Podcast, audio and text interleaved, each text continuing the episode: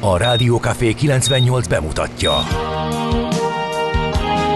A Fekete Erdőn is túl, a város szélén, a hatos számú korteremben, egy olyan városban, ahol a vészhelyzetek mindennaposak, és bármi megtörténhet. És meg is történik. Ahol a kisbefektetők nap mint nap a tőzsdei kilengések között egyensúlyoznak. Egy eséssel már is megtörténhet a baj. Segítség! Csak négy doktoron múlik a biztos felépülés. Doktor urakat várják a négyes műtőben. Egy fáradt, de mindenre elszánt és profi csapat vigyáz az egészségre minden reggel. És kik ezek a kitartó szamaritánusok? Négy orvos, egy módszer és egy bögre kávé. Ács Gábor, Gede Balázs, Kantor Endre és Mihálovics András. A főorvosi szobából pedig Profit professzor adja a helyes diagnózist. Humor, emberi sorsok, közönséges balesetek és profi megoldások. Néha sürgősségi, néha félig zárt osztály. A Gazdasági Muppet Show minden hétköznap reggel. Te is figyelj! Neked is írjuk a receptet! De miért? Ha nincs pénzed azért, ha megvan, akkor pedig azért. Millás reggeli. Egy kis kanállal minden reggel, és minden rendben lesz. A Millás reggeli főtámogatója a Schiller Flotta Kft. Schiller Flotta is rendtakár. A mobilitási megoldások szakértője a Schiller Autó tagja. Autók szeretettel. A Millás reggeli főtámogatója a Magyar Nemzeti Bank. Ho-ho-ho-ho! Szervusztok, gyerekek! Megjött a Mikulás bácsi, de nem tett semmit a csizmátokban, mert nem viselkedtetek jól. A makrogazdasági mutatók ugyanis nem úgy alakulnak, ahogy szerettük volna, mi így együtt, Na de Mikulás gyerekek. bácsi, arról apukám tehet. Nem érdekelnek a kifogások, gyerekek. Mindenki tegye meg a maga környezetében azt, ami ahhoz szükséges, ho-ho-ho-ho, hogy utolérjük Romániát. Jó reggelt kívánunk, indul a millás reggeli, az öreget kizavartuk a stúdióból, mert nem építi, hanem rombolja a magyar közfegyelmet, úgyhogy a volt- Rádió Café voltál már 98.0-án ö, nem vagy nincs helye ilyennek, nem voltam még Mikulás, Azt egyszer, egyszer egy nagyon komoly téged. felkérésem Aha, volt, de aztán azért. lefújták. Biztos volt jobb jelölt, vagy nem tudom miért nem. Kiestél az utolsó rostán. Ö, vagy elmaradt, vagy, Mhm. Vagy nem elmaradt. tudom. Mhm. De nem kellett ö, a castinggal foglalkozni, nem kellett bemennem és megjelennem, beöltözni, nem kellett mondani semmit, tehát hogy nem ilyen rostán húltam el, hanem egyszer csak mondták, hogy tök jó lenne, ha mondtam, hogy így, hát én még ezt nem biztos, meg nem tudom, de, de próbáljuk meg. És akkor utána meg hát egyszer csak jött, hogy oké, okay, de most akkor mégsem. De teljesen össze vagyok zavarodva ezzel Hát a látom. kérdéssel azért- kapcsolatban. azért De hát Fájdalmas ez neked, én úgy látom. Ez bennem, benned, benned maradt. Ott egy tüske. én eh, azt hagyjam, hogy nekem fájdalmas, de a gyerekeknek milyen fájdalmas lenne, ha ez véletlenül megvalósulna. Eh, Szerintem a szervezők is ezt gondolták, eh, hogy eh, hogy ennek nincs helye. Na, a két műsorvezető a Millás reggeli 2023. december 6-ai adásában Ács Gábor, És természetesen Mihálovics András. 0636-os 98 0 98 0 ez az SMS, WhatsApp és Viber számunk is. Nem vagyok én egy Gede Balázs, úgyhogy megszereltük az üzenő falat, úgyhogy lehet kérem szépen üzeneteket küldeni a stáb tagjainak. Például Gézu életképe megszólalt a telefonom, felvettem volna, de semmi. Aha, Szóval az a nem mindennapi eset van, hogy egy random embernek a trollin szintén a Delta főcímzene a csengő hangja. Hát vagyunk így egy páran. Az Nekem a teljesen konzervatív telefoncsörgésem van, és azt is nagyon sokan favorizálják, úgyhogy én is kapkodok eh, időnként a telefonom után, még olyankor is, amikor pontosan tudom, hogy le van némítva. Én átváltottam egy ö, teljesen egyedire, ami szerintem senkinek nincsen egy olyan mashup, ö, ami korábban volt, az egy olyan zene volt, amit időnként hallgattam is, és amikor a Spotify bedobta a kocsiba, folyamatosan szívbajt kaptam, és akkor kellett egy olyat keresni, amit már nem hallok, meg nincs is fönn mondjuk a Spotify, biztos, hogy nem hallgatjuk, és uh, tudom, hogy nehéz megtalálni, és uh, úgy kellett utána járni a letöltésnek, Úgyhogy én maradtam egy ilyennél. De egyébként ez a deltás sztori, ez tényleg vicces lehet, amikor azt gondolod, hogy az már biztos csak a tiéd lehet, és kiderül, hogy mégsem. Igen. Azt mondja, remélem, ma senki nem írja be, hogy mikor kezdődött el a műsor, előbb vagy később. A műsor akkor kezdődik, amikor elkezdődik. És, és én se kések el soha, csak megérkezem. Aláírás Gandalf. A nagy ho-ho-ho írja nekünk. A nagy ho-ho-ho kotrók napja lesz a mai, írja a kedves hallgató. Én már kettőt hát, láttam. Mm, Ilyenkor mindig bejelentik, hogy elősózást végeznek, mert a meteorológiai előrejelzések eh, komoly pengelyel helyzetet eh, vetítettek előre, ami azt jelenti, hogy a 10 centi hó ugyanúgy lejöhetett volna, mint ahogy a mocsok-lucsok dzsuva, ami végül is Budapesten leesett. A környező hegyekben hó van, nyugaton szép nagy hó van, ott inkább hokotrok vannak, viszont azért ebbe is lehet vadul csúszkálni, 0-1 fok a hőmérséklet Budapesten. Írjatok nekünk Én már háromszor csúsztam meg, amíg ide beértem. Mm-hmm. Háromszor. Igen, szóval nagyon óvatosan kell menni. Valóban az eső esik, illetve havas eső. Néhol jeleztek ónos esőt, én ezzel nem találkoztam, úgyhogy várjuk a közlekedési információkat. Úgy tűnik, hogy kifelé pattant, legalábbis, hogyha a hóból indulunk ki, tehát inkább esős, lucskos. Tegye fel a kezét az, aki szeretné meghallani, hallgatni a Proszektúra Mikulásos számát, mivel hogy Mikuláson, azt úgysem fogjuk betenni. Viszont képzeld el, hogy óriási áttörés van a Wikipédia szócikkekben ebben az ügyben, ugyanis figyelj ide, rákattintok, Mikulás, első, nem tévesztendő össze a következővel Santa Claus.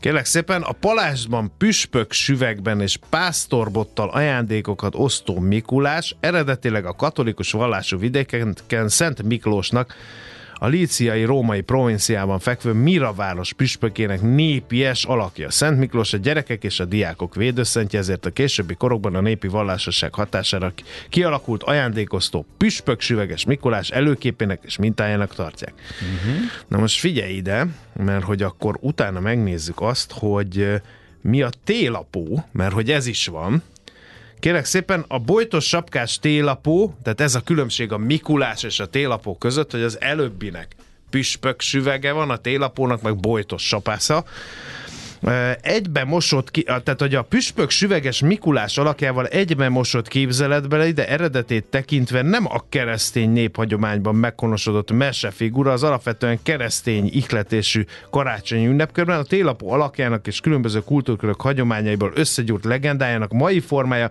fokozatosan alakult ki a különböző európai népek mitológiájából. Végül Moritz von Schwind, német festő és mese illusztrátor, képzelete nyomán 1847-ben nyerte el végső formáját a hosszú fehér szakállas, piros ruhás, csukjás, köpenyes, testes alak. Na de várjál, mert hogy akkor itt még ugye nem mosható össze a Mikulás a Santa claus akkor mi a Santa Claus? Ez egy harmadik. Santa Claus vagy egyszerűen Santa, magyarul néha karácsony apó. Ó, hát ez mondjuk hülyeség, igen. Helytelenül Mikulás, tehát karácsonyapó, a Santa az nem a Mikulás, drága barátaim. Ajándékoztó figura, különösen az angol száz világban népszerű, úgy, mint az Egyesült Államokban, az Egyesült Királyságban, de ezeken túl más, főleg protestáns országokban is, például Németország egyes részein, Hollandiában, Skandináviában, továbbá Észországban és Lettországban.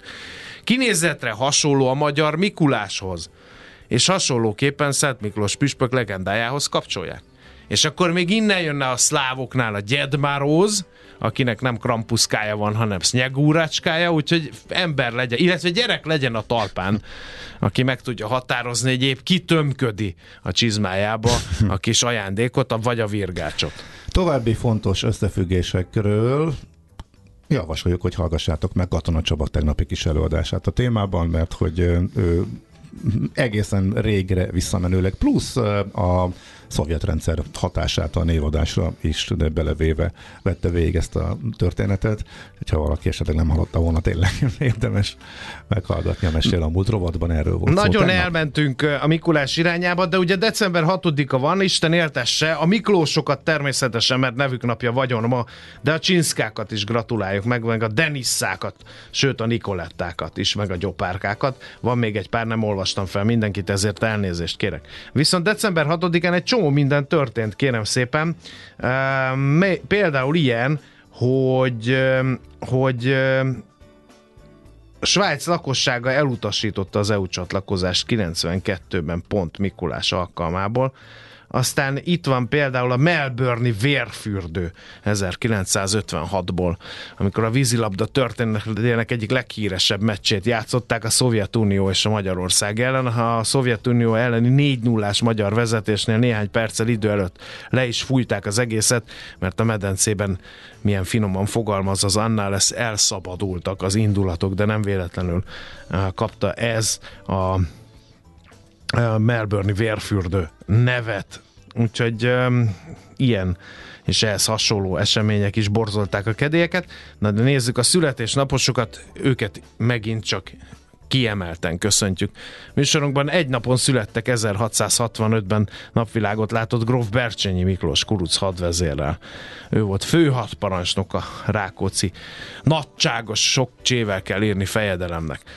Aztán eh, megvárt András, akiről liget is van elnevezve. Nyilván mindenkinek. 1834-ben született a jeles gépészmérnök feltaláló. Az egyik első villamos megálló, amit a gyermekeim meg szoktak jegyezni. Igaz, hogy Blackvár-ligetnek hívják, meg hasonlónak, vagy hívták, amikor még picik voltak, de ez alkalmazott arra, hogy mondjam, hogy ki is volt a valódi névadó, igen. 1927. december 6. Sergio Corbucci, olasz filmrendező születésnapja. Megint dűbe jövünk, kincs, ami nincs, stb. stb. Ugye ismerjük az ő muzikáit. Aztán itt van 1969-ből Minca Nébal Ildikó olimpiai bronzérmes magyar vívó, akinek jó egészséget, sok boldogságot kívánunk születésnapja alkalmába, és Pálinger Katalinnak nem kevésbé, ő is ma ünnepli a születésnapját, jól lehető 1978. december 6-ára hozta a Mikulása szüleinek.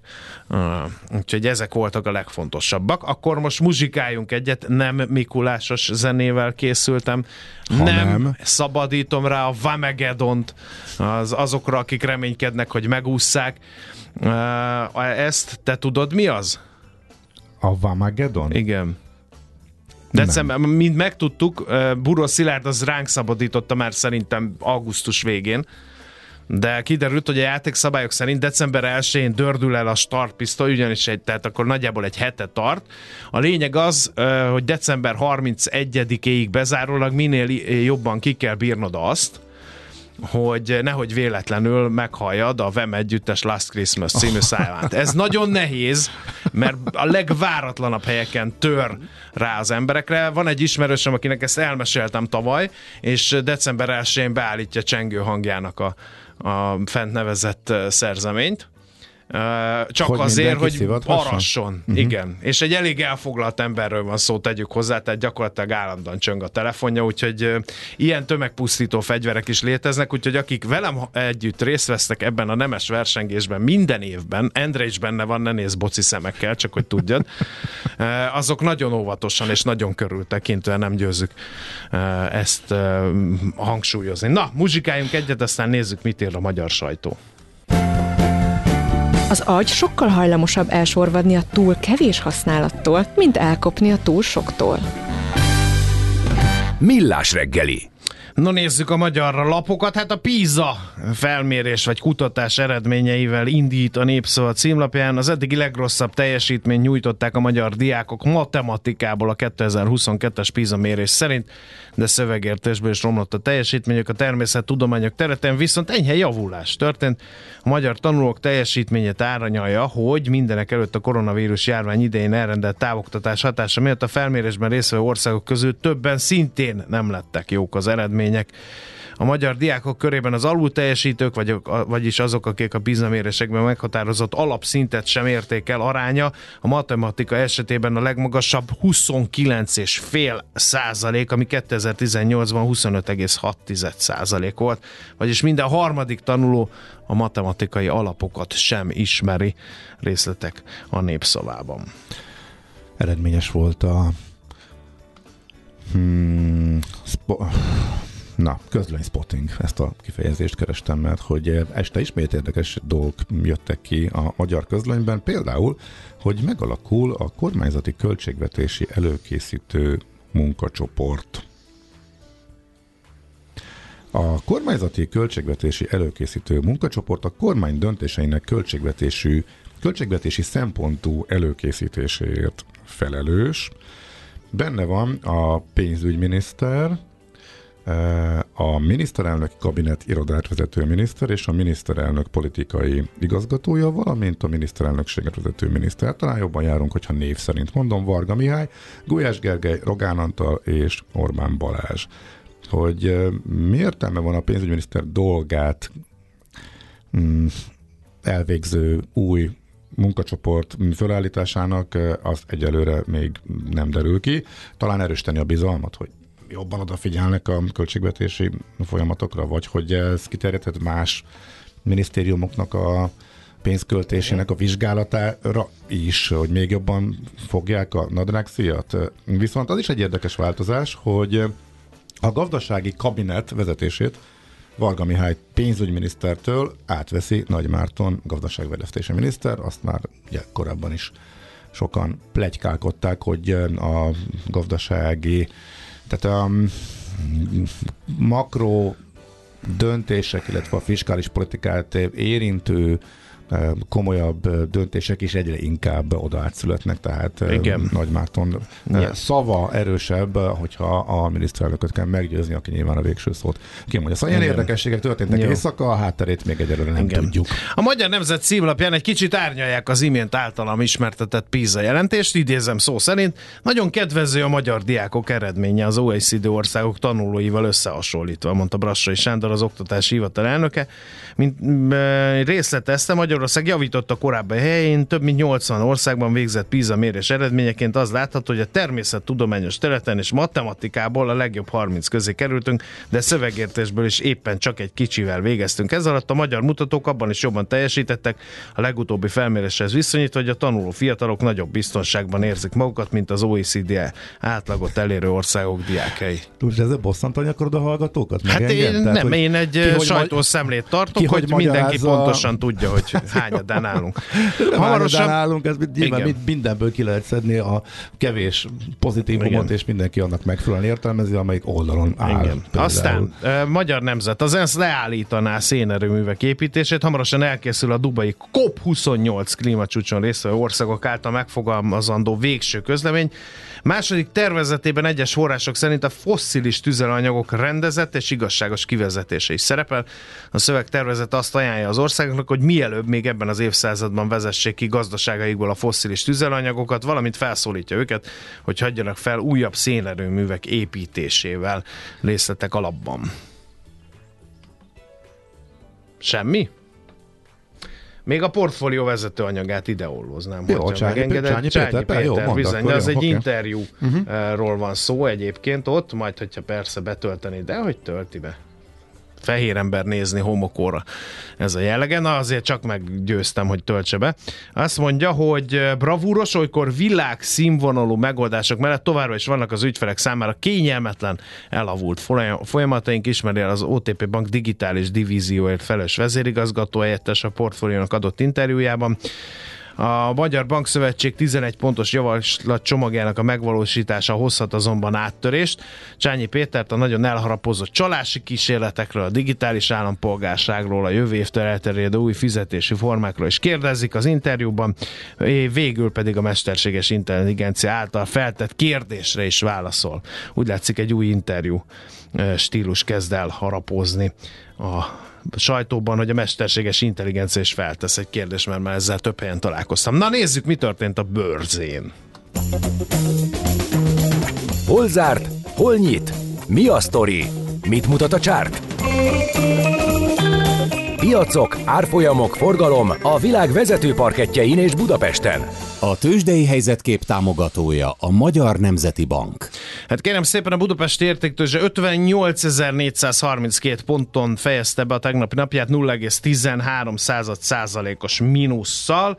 A vezető papírok közül a Telekom MOL páros erősödött, a MOL például 1%-kal 2820 forintig, a Telekom 0,6%-kal 621 forintig. A másik két papír azonban esett, az OTP még csak-csak tartotta magát 14.645 forinton, ami 0,17 százalék, de a Richter esett egy nagyobbat, 1,7%-ot 8795 forintig. Az x kategóriát gorcső alá véve az látszik, hogy nem látszik semmi. Nagyon alacsony forgalomban igazából arra sem mm, érdemes, hogy ezt beolvassuk, mert pár százezer forint, pár százezer forintos forgalommal nem e, rabolnánk senki idejét, úgyhogy nézzük inkább a nemzetközi piacokat, hát ott majd. Hát ott sem volt túl nagy izgalom, mit nem mondjak. Ilyen Legalább kis, hamar végzünk. Kis pluszok, kis mínuszok, kicsit föl, kicsit le, a Nasdaq kicsit föl, a Dow Jones S&P kicsit le, és Európában is hasonló volt. Előtt Európa inkább lefelé egyébként, de hogy nem voltak nagyok az elmozdulások. Hát nagy felzódulást okozott, de piaci hatása nem sok volt, legalábbis a fejlett piacokon az, hogy a Moody's leminősítette a kínai kilátást negatívra, stabilról, abból is lett egy kis purparlé, hogy az egyik kedvenc kifejezésedet kölcsönözzem ehhez a mondathoz, hogy már a döntés megjelenése előtt kínai fórumokon híre ment a dolognak, tehát kiszivárgott ez a bejelentés, illetve döntés. Más kérdés, hogy akik ott terjesztették, rögtön kicsit más terjesztették, leminősítés terjedt, holott kilátás rontás volt csak, tehát ilyenkor lehet, hogy az első informátortól még jól ment ki, de utána már máshogy terjedt az info, minden esetre azért akkor is kellemetlen, hogy ez kín volt. Ez az információ, estek a kötvényhozamok, és visszatért az a korábbi, sőt az idei évben általában a jellemző tendencia, hogy a nagy kapitalizációjú cégek viszik hátukon az egész piacot, felül teljesítettek, e, és e, ebből jött ki nagyjából ez, amit mondtam, a nasdaq kis plusz, és a másik kérdezető indexnél e, kis mínusz. De nem volt nagy izgalom okay. a Wall Street-en most. Tőzsdei helyzetkép hangzott el a Millás reggeliben. Tőzsdei helyzetkép hangzott el a Magyar Nemzeti Bank támogatásával. Még egy gyors lapsz, megnéztem, hogy működik a... Hogyan lehet az, hogyan jössz, jössz rá, hogy te föltörték a Simple alkalmazásodat, vagy nem? Nekem úgy tűnik, hogy működik. Ügyfelek jelezték a Telexnek, hogy föltörték, és Este éjfél előtt a, az OTP meg is erősítette, hogy eltulajdonítottak felhasználó névjelszó kombinációkat. Robotizált módszerekkel több ezer felhasználó fióket valóban feltörték, megváltoztatták az e-mail címeiket, viszont az alkalmazásban rögzített bankkártyák CVC kódjait nem, annak hiányában tranzakciót nem tudtak indítani, tehát nem történt Jó. anyagi kár, mindenki nézze meg, az érintett fiókot blokkolták, hogy az ő érintette ebben. No, Szollerandi hírei jönnek, aztán jövünk vissza micsoda meglepetésekkel, de micsodákkal? Autóbusz vonalán is Siling Zsolt BKK Info. Se telefon, se levél, se gondolat, se semmi. Ha mégis, üzenj nekünk! A Rádiókafé SMS száma 30 6 980 980. Memory, memory, memory. Hírek következnek a Rádiókafén. A gazdasági kabinetbe összpontosulnak a legfontosabb gazdasági kérdések, több ezer Simple felhasználó fiókját törték fel, Egyre romlik a humanitárius helyzet a gázai övezetben. Nyugaton és északon ma havazásra kell készülni, máshol elsősorban eső lesz. 0 és 7 fok között alakul a hőmérséklet. Jó reggelt kívánok, Czoller Andi vagyok.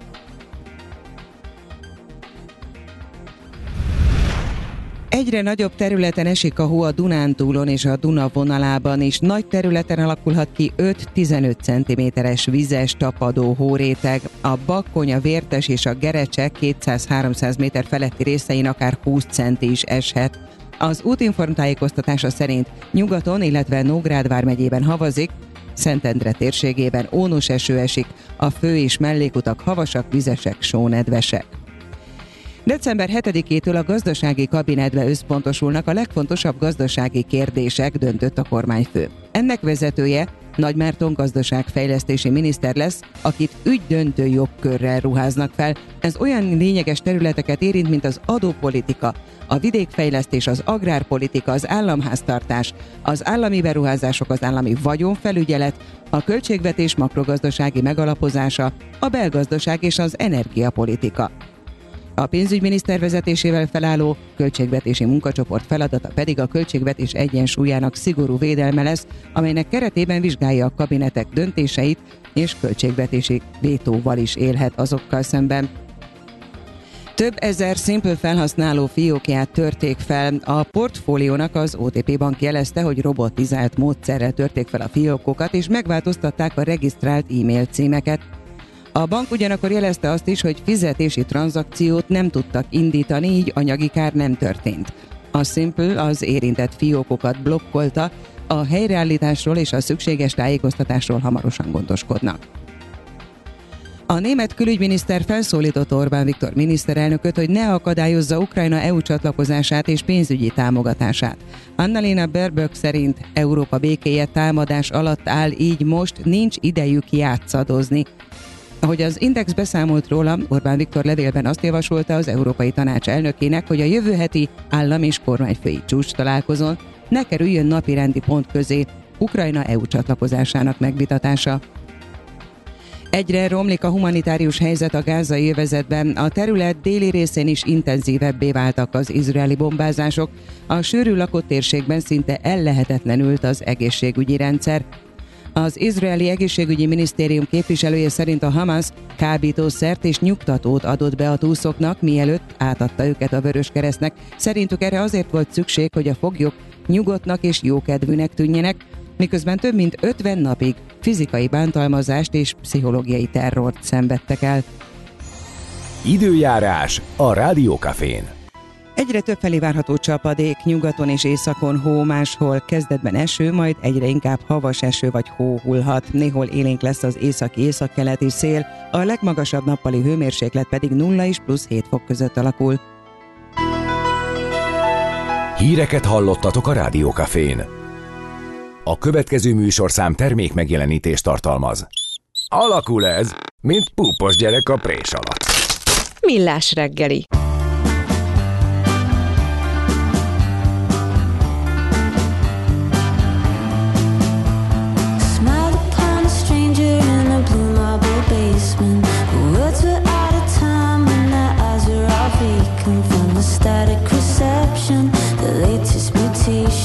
The old escalating consumption of hatred. Said my people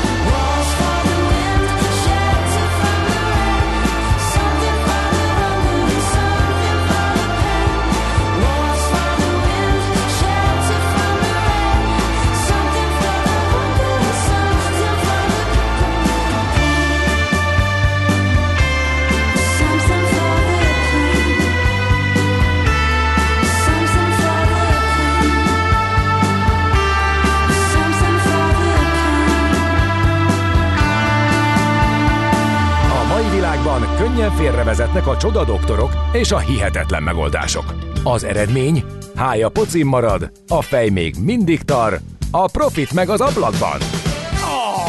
De már is segítenek a legjobb orvosok. Doktor megelégedés, doktor higgadság, doktor vidámság és doktor nyugalom.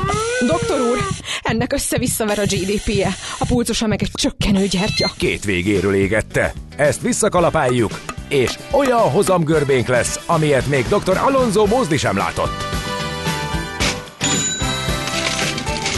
Millás reggeli. A gazdasági Muppet Show. Figyelem! Fogyasztása függőséget okoz. A Millás reggeli főtámogatója a Schiller Flotta Kft.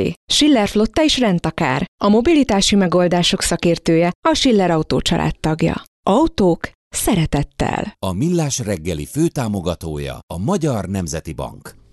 Jó reggelt kívánunk, 7 óra 8 perc van, folytatódik a Millás reggel, a Rádió Café 98.0-án, a kettő műsorvezető pedig Ács Gábor. És Mihálovics András. Itt vannak a hallgatók is természetesen 036-os 98 98 0 Ho, ho, ho, hogy is van ez? Aki drágán vett akár egy fapados jelet is, az ma virg ácsot kap? Édes jó Istenem. Ezer bocs így folytatódik, azért tegyük hozzá. Nincs ilyen. Tehát egy, valakit orba gyűrök, majd utána azt mondom, hogy bocs, véletlen volt. Aha, ja, nagyon őszintén. Ha már belekezdtél, akkor végig kellett olvasni. Szerintem nem Igen. baj ez. Köszönjük. Na mindegy, hát ennél azért remélhetőleg tartalmasabb üzenetek is vannak üzenő falunkon. Van, képzeld el. Na. Hallgató, aki tegnap is kritizálta, hogy depis zenék vannak, az előzőket is depisnek Hát, minősítette, és áttekerést ö, helyezett kilátásba a saját zenei gyűjteményébe. Úgyhogy a Inkább gatyát. kevés oroszlán, mint nem sok volt. nyúl, akinek Szerintem reszket az ina a közelgő depis számoktól, az most szóljon, mielőtt tovább szólnék. Na, ezért aztán a hallgató például nem is fog megtudni semmit sem az egy másik Damianics projektről, mert arról a Spotify-on nincs szó. Egyre nagyobb buborékban élünk, de milyen szép és színes ez a buborék. Budapest, Budapest, te csodás! Hírek, információk, események, érdekességek a fővárosból és környékéről.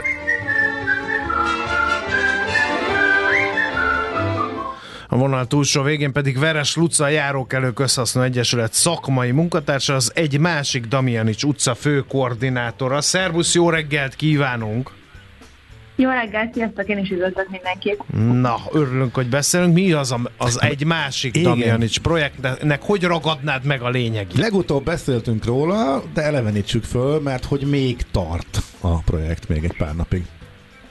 Igen, ezt jól kiemeltet, hogy még tart, ugyanis ez egy uh, idéglenes közterületi beavatkozási projekt, ami azt jelenti, hogy körülbelül egy ilyen három hét, kicsit kevesebb, mint három hét erejéig átalakítottunk, át, átalakítunk egy városi közteret. Ez pontosan azt jelenti, hogy egy ilyen 6-7 parkolónyi helyet Damjanics utcában, Erzsébet városban, a hetedik kerületben idéglenesen átalakítottunk, és a parkolóhelyi helyi funkció helyett olyan elemeket helyeztünk ki, legyenek azok közterületi bútorok, világítás, ami kicsit izgalmasabbá, élhetőbbé, élőbbé teszik a területet, és jobban ösztönzik, motiválják az arra járókelőket, a gyalogosokat, a bringásokat, az embereket, a helyi lakókat, hogy esetleg ott egy kis időt töltsenek, és ne csak elmenjenek a, elmenjenek a terület mellett, hanem kihasználják azt, hogy a terület az mondjuk számukra is izgalmas. De miért télen ebben a hidegben, könyörgöm? Igen, hát ez pont egy ilyen kísérleti kísérleti projekt, hogy hogyan lehet esetleg mondjuk ilyen téli hidegebb időben az embereket kicsalogatni a, a városi közterületekre, mert Aha. azt gondoljuk, hogy igazából kettő fő indoka van annak, hogy az emberek leegyszerűsítve, kettő fő indoka lehet annak, hogy az emberek miért nem használják a közterületeket, és csak az egyik az, hogy mondjuk rossz az idő, vagy hideg az idő, a másik pedig az, hogy nem úgy vannak kialakítva. És ha legalább az egyik faktoron tudunk változtatni, az reméljük, hogy picit jobban oda csalogatja az embereket, hogy használják a közterületet. Na, hát jó, akkor jó egy ilyen hangzik. kezdcsinálót tartsunk. Mit lehet most éppen csinálni hat parkolóhelyen? Meg milyenek az eddigi tapasztalatok, igen, az előző két hétből? E, igazából akármikor, akármit lehet csinálni, ezt tudnám mondani, tehát hogy bátorítanék mindenkit, hogy nyugodtan menjen a területre, szervezzen oda egy találkozót, akár e, vegyen a mellette lévő kávézókban egy forró kávét, tehát üljenek ki, beszélgessenek egyet, de amúgy e, a most lesz az utolsó hétvégén, ez a záró hétvégem, és e, mindkét nap lesz e, elég sok program. Konkrétan a szombati napon délelőtt lesz egy ilyen programsorozat, Ö, délelőtt 10.30 és 12 között lesz egy ilyen társasuló, esemény. Ez igazából nem egy ilyen konvencionális leülünk az asztalhoz és ott játszunk esemény lesz, hanem egy élő társas képzeljetek el, ahol picit arról fogunk beszélgetni, hogy hogyan éled meg nőként a várost, esetleg milyen akadályokba üt- ütközhetsz, hogyha te közlekedsz. Tehát, hogy igyekeztünk, ez is egy jó példa arra, hogy igyekeztünk az eseményeket úgy kialakítani, hogy kapcsolódjanak a város használathoz, a város, városi közterek, a városi közlekedés használatához. Uh-huh. Um, illetve ezre 12-ig és 12 és 12.30 között pedig a Szuperár tanári kórus fog um, egy rövid uh, éneklős um, blokkot tartani. Tehát, hogy próbáltuk úgy is kialakítani az eseményeket, hogy ne csak egy ilyen workshop legyen, hanem legyen mellette valamilyen zenei esemény, mert a sokkal izgalmasabb, a sokkal jobban oda vonza az embereket. Ez várható a szombati napon, és a vasárnap pedig még izgalmasabb programsorozatunk lesz, ott ugyanis ö, négy program is lesz, lesz egy délelőtti, meg egy délutáni blokk. Ö, a délelőtti blokk az 10-kor kezdődik, és körülbelül egy ilyen 11.30-ig tart. Ez egy jótékonysági karácsonyi vásárlás, erre bátorítok mindenkit, hogy nyugodtan csatlakozzatok, csak egy társütivel kell körülbelül csatlakozni, hogy szeretnétek eladóként csatlakozni, de jöhettek vevőként is, hogyha sütit szeretnétek venni, és azért jótékonysági, mert a, a bevételt, illetve a maradék sütiket is majd a Budapest Bike Mafiának fogjuk adományozni, tehát hogy ebből nem profitot szeretnénk termelni. És ennek a lezárásaképpen pedig 11 és 11.30 között a Cis Harmónia Élet Együttes fog egy kis zenés blokkot nyújtani Nagyon majd klassz.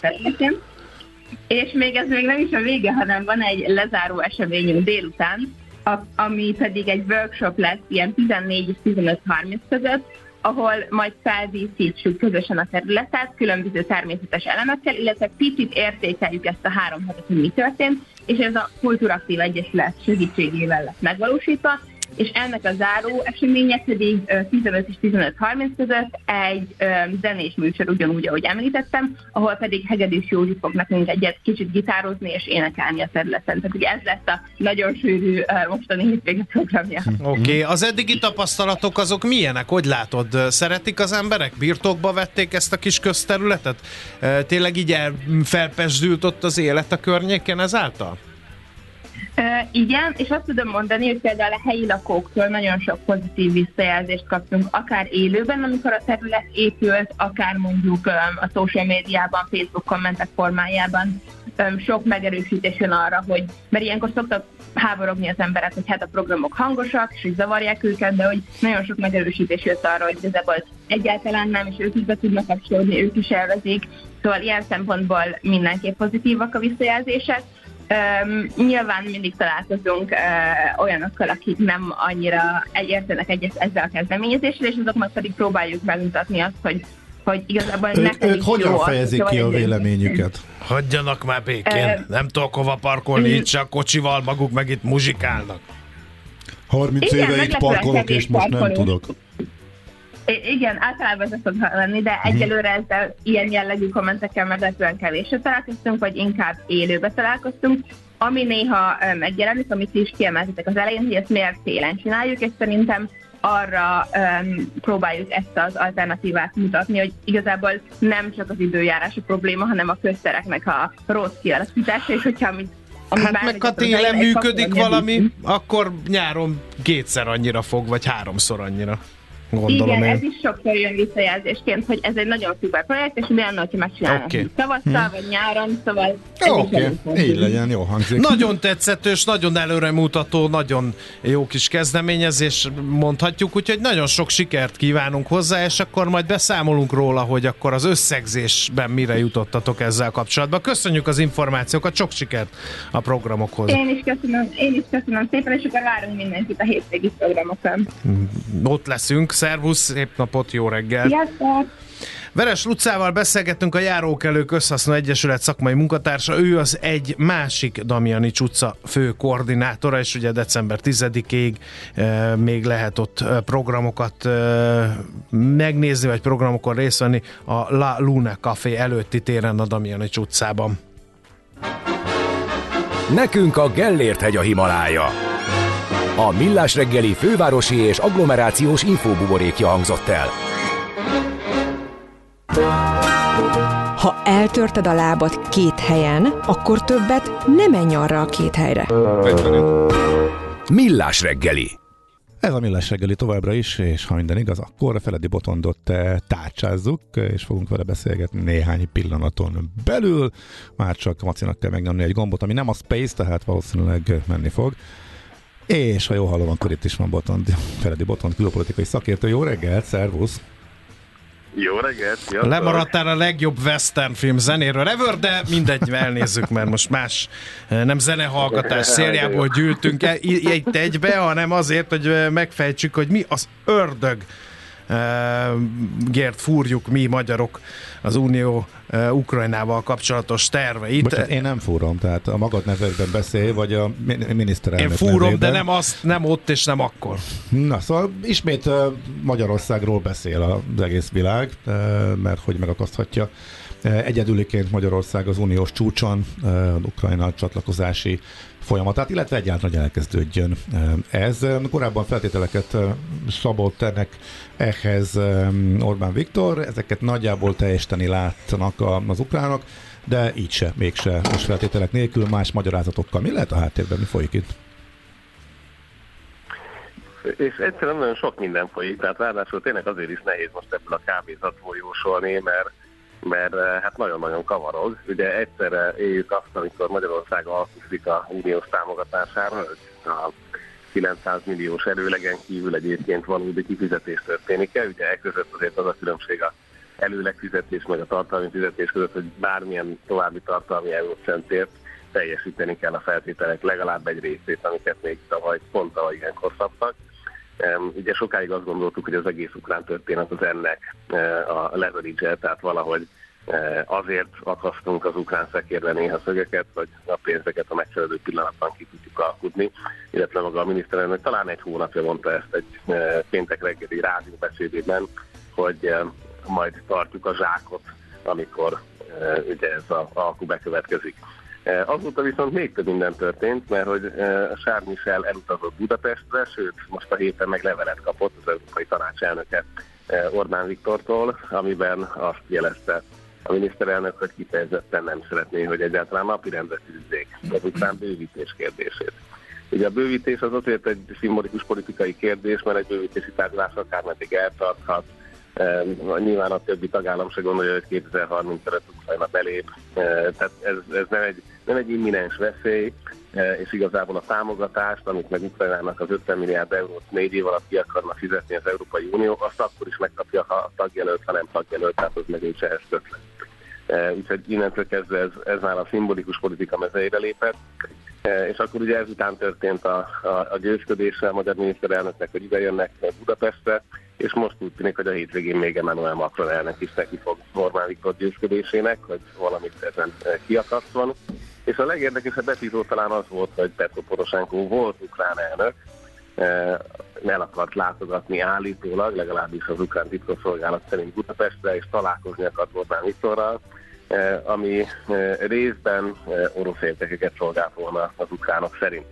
Na most, hogy a Zelenszky szerint van így, vagy pedig a titkosszolgálat szerint minden esetre Poroshenko tényleg nem jött el találkozni, miközben kiderült, hogy tényleg voltak ilyen tervek, és hát, hogy amire itt az előbb utaltatok, miközben ezek a szálak mindig párhuzamosan futnak éppen eh, szokás szerint kulminálódva majd a december eh, 13-14-i eh, tanácsülésekbe, Em, aközben azt látjuk, hogy az egész európai hangulat tényleg sokkal mondjuk úgy, hogy több dilemmát hordoz azzal kapcsolatban, hogy Ukrajnával kapcsolatban mi fog történni, a német költségvetési megszorítások, hogy fogják az Európai Uniós nagy pénzeket érinteni. Igen. Hogy rosszul, az biztos. Eh, Figyelj, ezek, Boton! Ezek most itt mind együtt futnak. Igen, de két kérdésem van. Az egyik az, hogy ö, nem csak Európa vitatkozik öm, az ukrán támogatásról, hanem az amerikaiak se nagyon tudják, hogy mit kezdjenek ezzel a dologgal. Ugye erről is voltak hírek, hogy, hogy Biden próbál valami hosszú távú, megnyugtató támogatási projektet tető alá hozni, de, de nem nagyon van meg az egyértelmű és csalhatatlan támogatás ehhez.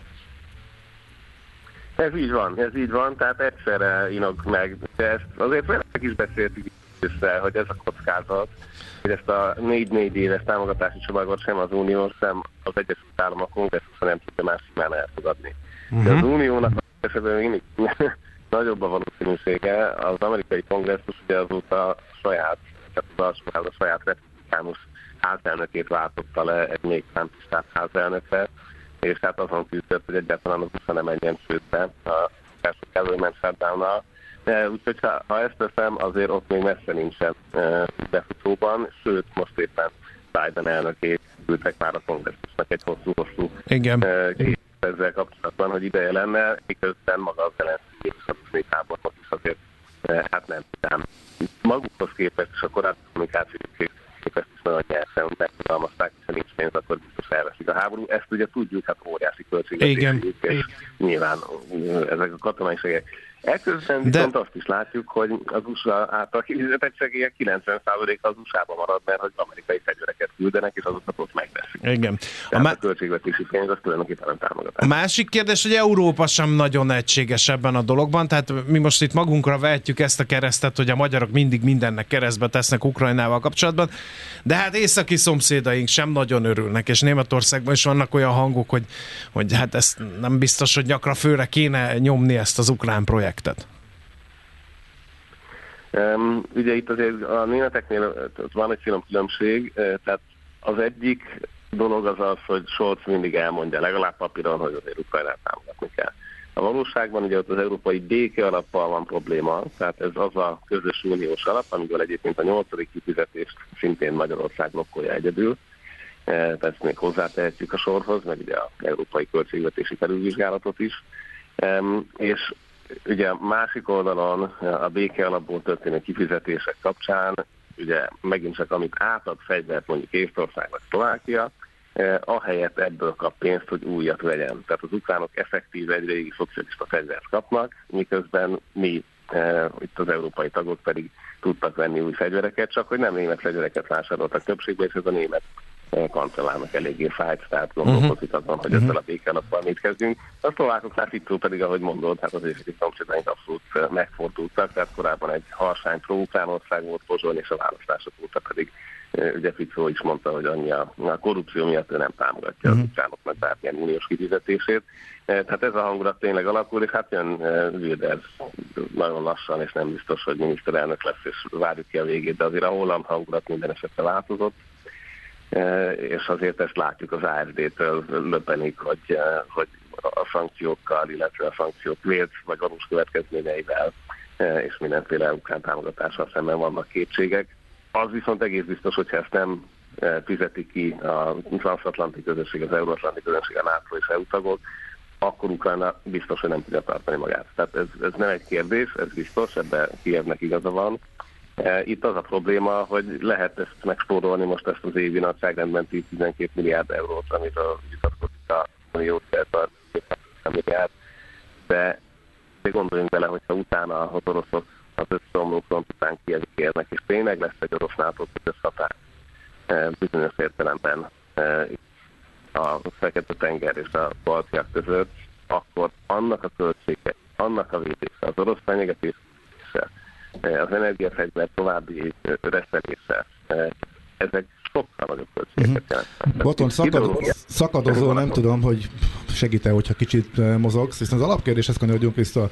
Miért állt ebbe bele szerinted ennyire komolyan, hogy ha olyan túl nagy jelentősége talán nem is lett volna a magyar kormány kőkeményen? Ezek, amik, ez már, amit az imént mondtál, hogy erősödnek számára a baráti hangok Európában, törnek föl a populistább, ugyan has, hozzá hasonló véleményt megfogalmazó pártok. Ez a válasz egy része már, de, De gondolom, kérdezem, vagy van más is? De gondolom abban nincs is vita a felek között, hogy Ukrajna nem alkalmas az EU tagságra. Hát ezer és egy dolgot tudnék mondani, ami miatt ez így van.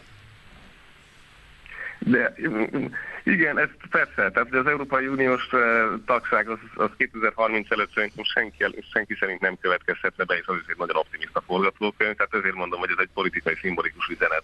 Tehát nem, nem ezen múlik, itt a pénzen múlik, meg azon, hogy ki mit gondol az orosz-ukrán kapcsolatról, vagy az orosz-európai kapcsolatról eh, leginkább is ennek fényében. Eh, Hogy a magyar miniszterelnök mit akar, ugye, tehát az, az A opció az az volt, hogy az álmagyarázat, vagy a saját pénzeinek a, a kitárgyalására használja ezt az ukrán pozíciót. Eh, Volt és van olyan vélemény, ami szerint alapvetően azért a magyar-orosz kapcsolat határozza meg a, a miniszterelnöknek az irányát, és emiatt ez inkább tényleg egy ukrán obstrukcióról szól. Um, nyilván ennek is megvan a története, meg nem segít ezen a pekingi uh, Orbán-Putin készfogás. Uh, és van, van egy, egyébként friss, a Gyévai Zoltán most írta meg nemrég a Szabad Európára, hogy Magyarország egyébként a bővítés szempontjából azon harcol, hogy eh, például Bosznia-Hercegovina irányába is megnyissák a bővítési eh, tárgyalást, annak ellenére, hogy ezt az Európai Bizottság nem ajánlotta, és hogy Ukrajnával külön nem, hanem csak együtt, hogyha be tud hozni más országokat is. Tehát, és az sem kizárt, ezek, hogy ezek így egy, egymással párhuzamosan érvényesek, és a negyedik, amit András te mondasz, hogy, eh, hogy van az a teljesen egyértelmű miniszterelnöki várakozás, hogy a 2024-es európai parlamenti választások eh, ugye radikális jobboldali előretörést hoznak, ami egy új európai bizottságot jelent, ami azt jelenti, hogy a magyar pénzekkel most már felesleges megegyezni a, a jelenlegi Ursula vezette bizottsággal. Ez az utóbbi egyébként itt a brüsszeli mérések szerint egy, egy mondjuk optimista várakozás Budapesten, mert nem, tehát egyelőre nem ez látszik, de ne, abszolút nem kizárt, tehát még, még nagyon messze vagyunk a választástól, e, és vannak olyan tagállamok, ahol, ahol bekövetkezhet, és látjuk, hogy ott van a tipping point lehetőség, hogy Mhm. bekövetkezhet az a fordulópont, e, vagy mitől változik meg a közvélemény hang- hangulata. Oké, okay, Oké. jobban értjük. Köszönjük, Köszönjük. szépen, Botond ismét a fölvilágosítást. Hát fésülgetni tudtuk ezt az ügyet, de Igen. most már minden nap izgalmasabb lesz, hogy valami kiderül el valamelyik Igen. párról. Oké, okay, nagyon szépen köszönjük, szép napot! Nektek is hallgatok meg, és sziasztok! Szia, szia! Feledi Botont külpolitikai szakértővel beszélgettünk Ukrajna, uh, Ukrajnával kapcsolatos tervekről, Egyesült Államok, Európa, Magyarország. Veszel-e? Eladod-e? Kanapéról-e? Irodából-e? Vonaton-e? Mobilról-e? Laptopról-e? Kényelmesen, biztonságosan, rengeteg ajánlat közül válogatva, időt spórolva. Ugye, hogy jó? Mert ott van a mágikus E. E-Business, a millás reggeli elkereskedelmi rovata, ahol mindenki számára kiderül, hogy online miért jó üzletelni. Tehát a hét híre ebben a bizniszben, hogy irdalt keszeg házhoz szállítás indul futárszolgálattal, és ezt a Pecaverzum oldalról tudhattuk meg, és azt is, hogy ez egy komoly probléma, hogy egyrészt nehéz télen ehhez az őshonos halfajhoz hozzájutni, mert hogy inkább a pontyokat árulják, de ha mégis sikerül, akkor a szakszerű írdalás az nem tartozik a legegyszerűbb konyhai feladatok közé. És erre a problémára talált megoldást az a magyar webshop, amelyik ezt elindította. A Hello Hall egész konkrétan bevette a kínálatba, tehát a dévérkeszeket, úgy, hogy csak már ki kell sütni. Ez jó hangzik. Egyébként, honnan jött az ötlet? Kérdezték meg egyébként Horváth Szabolcsot, aki a következőképpen válaszolt, ez csak úgy beakadt, aztán kitoltuk az üzleti modell lényege. Úgyhogy így lesz. Több sebből billeg ez a történet. Egyrészt hát ennek oka vagyon, hogy miért pontyot kínálnak és keszeget miért nem, mert ugye nem lehet horgászni, vagy a horgászok horgászhatnak keszegre, de ugye nem adhatják el legálisan a keszeget. A halgazdaságok ugye nem halászhatnak a természetes vizeinkbe, mert azok a horgászoké, ezért nincsen keszeg, ezért kérek szépen Kazaksztánból hozzuk a keszeget, úgyhogy ez a, ez a probléma. Egyik fele, a másik pedig, hogy e, ezzel a két kezemmel bármikor írdalok neked keszeget, hogyha pont ez áll a keszeg fogyasztás és a te utad, vagy nem tudsz írdalni, azonnal hívjál fel. Annyira nem egy nagy rakéta tudomány, hogy ezt ne tudná bárki megoldani. Megoldani. Jobban bízok a írdalt keszek kiszállításban, mint Jó, a te hát- írdaló tudásodban. Igen. Egyelőre még bizonyítanod kell, de akkor ezt még majd megbeszéljük. Minden esetre egy érdekes lehetőségről értesültünk. Na megtaláltad-e? E-Business, a millás reggeli elkereskedelmi rovata hangzott el. E-Business, üzletei online. Mindenki csak beszél róla, de nem tudja miért. Repkednek a buzzwordök, de nincs mögöttük tartalom. Mi segítünk eligazodni a digitális transformáció viharos tengerén. Digitális iránytű, a millás reggeli digitális értelmező rovata. No kérem szépen, egy kicsit mesterséges intelligenciázunk, de hogy, és itt van a stúdióban az az ember, akivel erről fogunk beszélgetni, Gonda Gábor, a Magyar Telekom vezérigazgató helyettese. Szerbusz, jó reggelt! Hello, sziasztok! Egy kicsit közelebb teszem a mikrofon, ne lepődjünk meg ezen. No, a, hát hogyha mesterséges intelligencia, akkor azért a Sam Altman sztorit, az OpenAI-nak a atya úristenének a kirúgását azt nem tudjuk megkerülni, uh-huh. mert úgy tűnik, hogy hát a világ csúcs technológiájának csúcs cége nem tudja időnként, hogy mit csinál. Beszéltünk már erről, ugye elküldték négy egész napra Aha. az embert. Az azért, hát hogy mondjam, egy tech cégnél... elküldték, még nem tudták, hogy négy egész napra küldik el, tehát akkor örökre próbálták elküldeni, és ebből négy nap lett. Nagyon furcsa történet. Miért Igen. küldték el, miért vették vissza? Kiderült egyébként azóta? szerintem azért izgalmas, mert ugye a, maga az AI az azért tele van ilyen konteókkal, hogy a, világ vége közeledik, stb. stb. És ugye ebbe még belejön egy ilyen, az ember tényleg kapkodja a fejét, hogy most akkor ezek mi a francot csinálnak.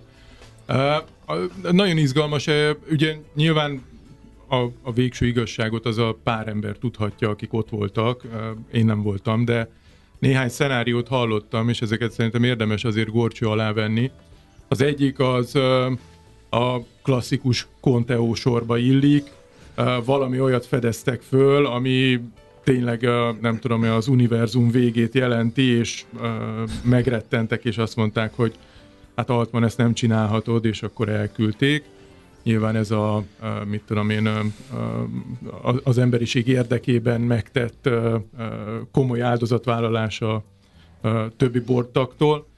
Um, majd a, három szenáriót mondok, amit én hallottam, és akkor a hallgatókra bízzuk, hogy melyiket érzik mm igazából hitelesnek, vagy a valósághoz közelibbnek.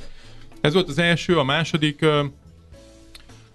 ott egy ilyen félszakmai vita alakult ki állítólag, ahol a, a board egyes tagjai nem értettek egyet azzal, hogy milyen irányba viszik tovább a ChatGPT-nek a fejlesztéseit, mennyire fogják ezt komercializálni, és hogyan fogják igazából megőrizni azt a kvázi non-profit státuszukat, amivel eredetileg elindultak. És akkor van egy harmadik, ami nem olyan elegáns, ami arról szól, Akkor ez az igaz. ami igazából úgy hangzik, hogy Altman körbeszaladtott a, a Kaliforniában, és megpróbált forrásokat vagy befektetőket gyűjteni ahhoz, hogy fejlesztenek egy olyan saját ö, chipet, amivel egyébként mondjuk egy ChatGPT környezetet, ö, vagy egy, egy robosztus AI környezetet nagyon szépen meg lehet hajtani. Erről elfelejtett szólni a többi bordtagnak, hogy ő egy ilyet készül elindítani, és ehhez már pénzt is gyűjt. Állítólag a többi bordtag ezt rossz néven vette, és azt mondták, hogy te megbízhatatlan kolléga, mondjuk és- így, valószínűleg nem ezt mondták. Légy szíves, akkor menj innen. Nyilván az egyetlen dolog, amivel nem számoltak, hogy valószínűleg Altman azért nem egyedül találta ezt ki, és ott a csapatban egészen sokan összezártak, és azt mondták, hogy már pedig ezt mi így szeretnénk. Hát ugye nem a boardban, de hogy a dolgozók élt azért ritkán látni, hogy a munkavállalóknak a nem is tudom hány százaléka, de nagy része, 80 Hát 90 százalék, 90 százalék. 700-an, a 750-ből most így kerekítve mondom a számokat, de nagyságrendileg ez. Te azt mondták, hogy ők Igen. fölállnak, és akkor az egésznek sztorinak vége, és akkor végül is ez a része azért már akkor elég egyértelmű, hogy a board kénytelen volt meghátrálni, a, Mhm. azon, a, mert a cég véget jelentette volna, hogyha valóban föláll az egész ugye, a csapat, vagy a csapatnak a nagy része ezek szerint. Nagyon érdekes, hogy a döntő többsége a csapattagoknak a vezért támogatta, miközben a board megeltávolította volna, úgyhogy Hát nézni. szerintem az egyik ö, ö, legizgalmasabb ö, eleme ennek az egész történetnek az, hogy a, az erőforrásoknak a gyártása az, az szépen csendben kezd visszatelepülni az Egyesült Államokba. Ugye ezt több helyen lehetett hallani, olvasni, hogy az elmúlt években, különösen amikor a, a, a szállítási láncok egy kicsit dögledeztek ott a, a Covid idején, és rájöttek arra, hogy gyakorlatilag szinte minden a kínai gyártáson múlik, és ugye a kínaiak sokkal szigorúbban kezelték a Covidot, és a gyárak sokkal tovább voltak zárva, akkor azért az egész nyugati világ megérezte azt, hogy milyen függőségben vannak ebben a témában, és én azt gondolom, hogy a, a befektetői körben körbeszaladni, és azt mondani, hogy nézzétek, van egy hiteles történetünk arra, hogy az AI milyen irányba uh, vihető tovább.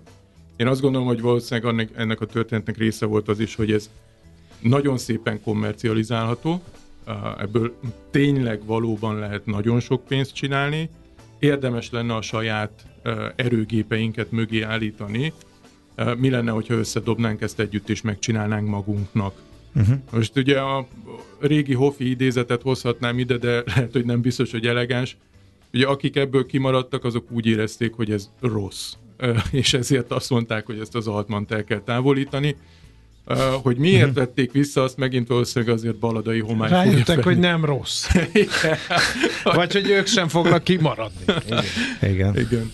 Hát négy nap alatt azért sok mindenre rájön az Ez ember. így Viszont összeállna, igen. ez az egész sztoriból az ütötte meg a fülemet, ez a chip dolog. Uh-huh. E, nagyon sokat beszélünk, hogy mire jó az éjjel, veszélyes, nem veszélyes, hova fejlődhet, komercializálható, stb. stb.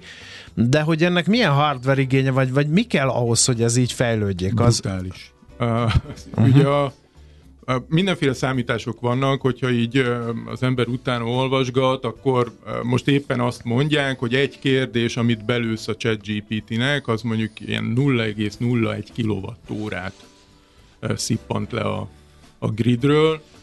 Amikor először lefordult a, a, a, a ChatGPT uh, 4, akkor azt mondják, hogy olyan 50-60 megawattot használt mondjuk csúcson a környezet, ami mit tudom én, azért az egy közepes méretű tisztességes városnak az éves fogyasztása.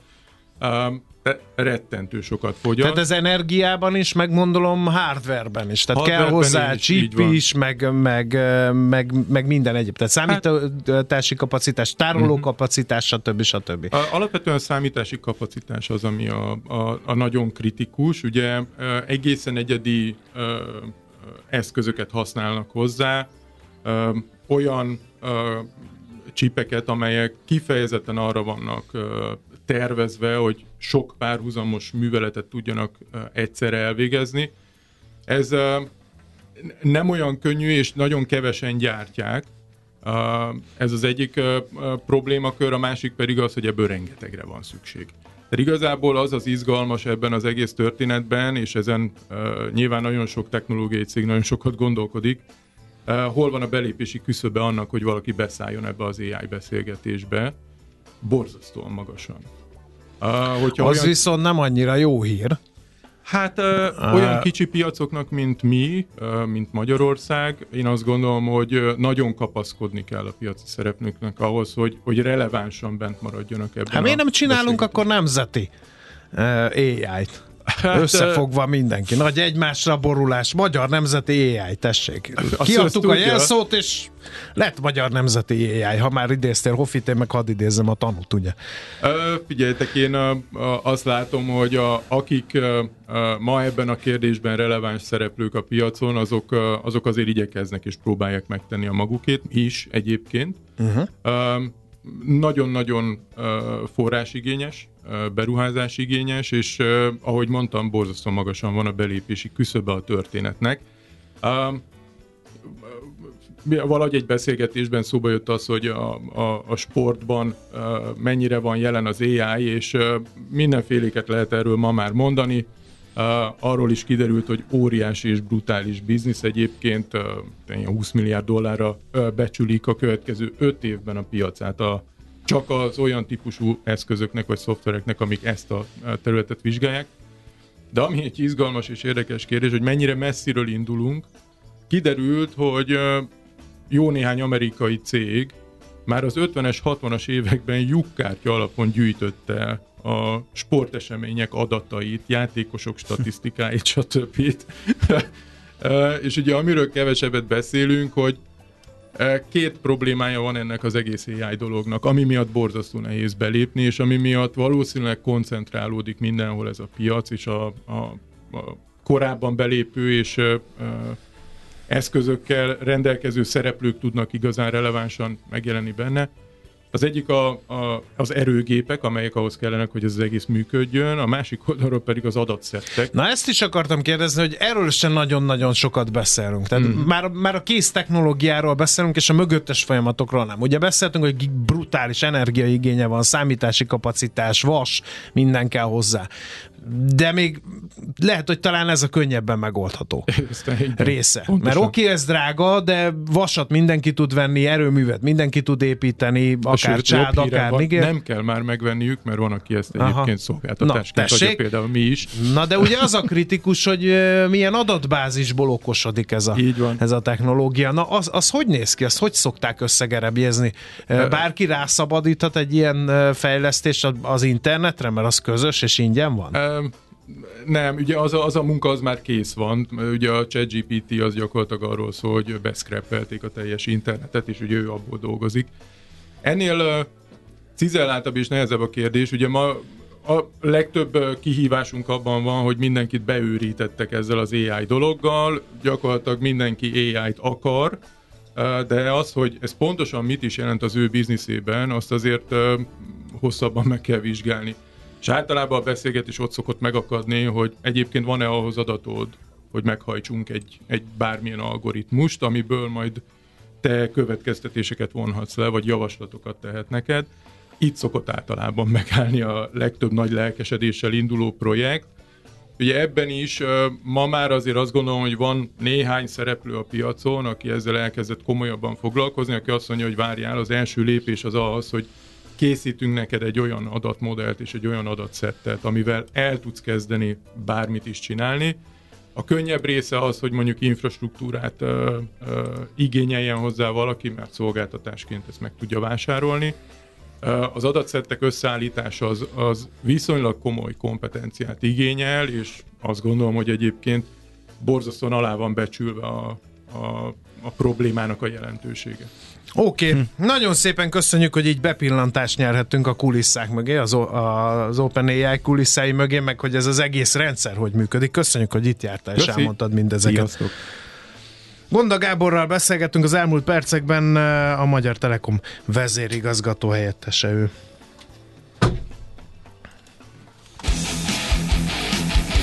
Digitális iránytű hogy a sokat emlegetett buzzword és paradigmák mögött legyen valódi tartalom is. No, hát tulajdonképpen akkor Czoller Andit várják a munkaállomásán, mert híreket fog mondani, aztán jövünk vissza, HR percek rovatunk következik, úgyhogy tartsatok továbbra is velünk.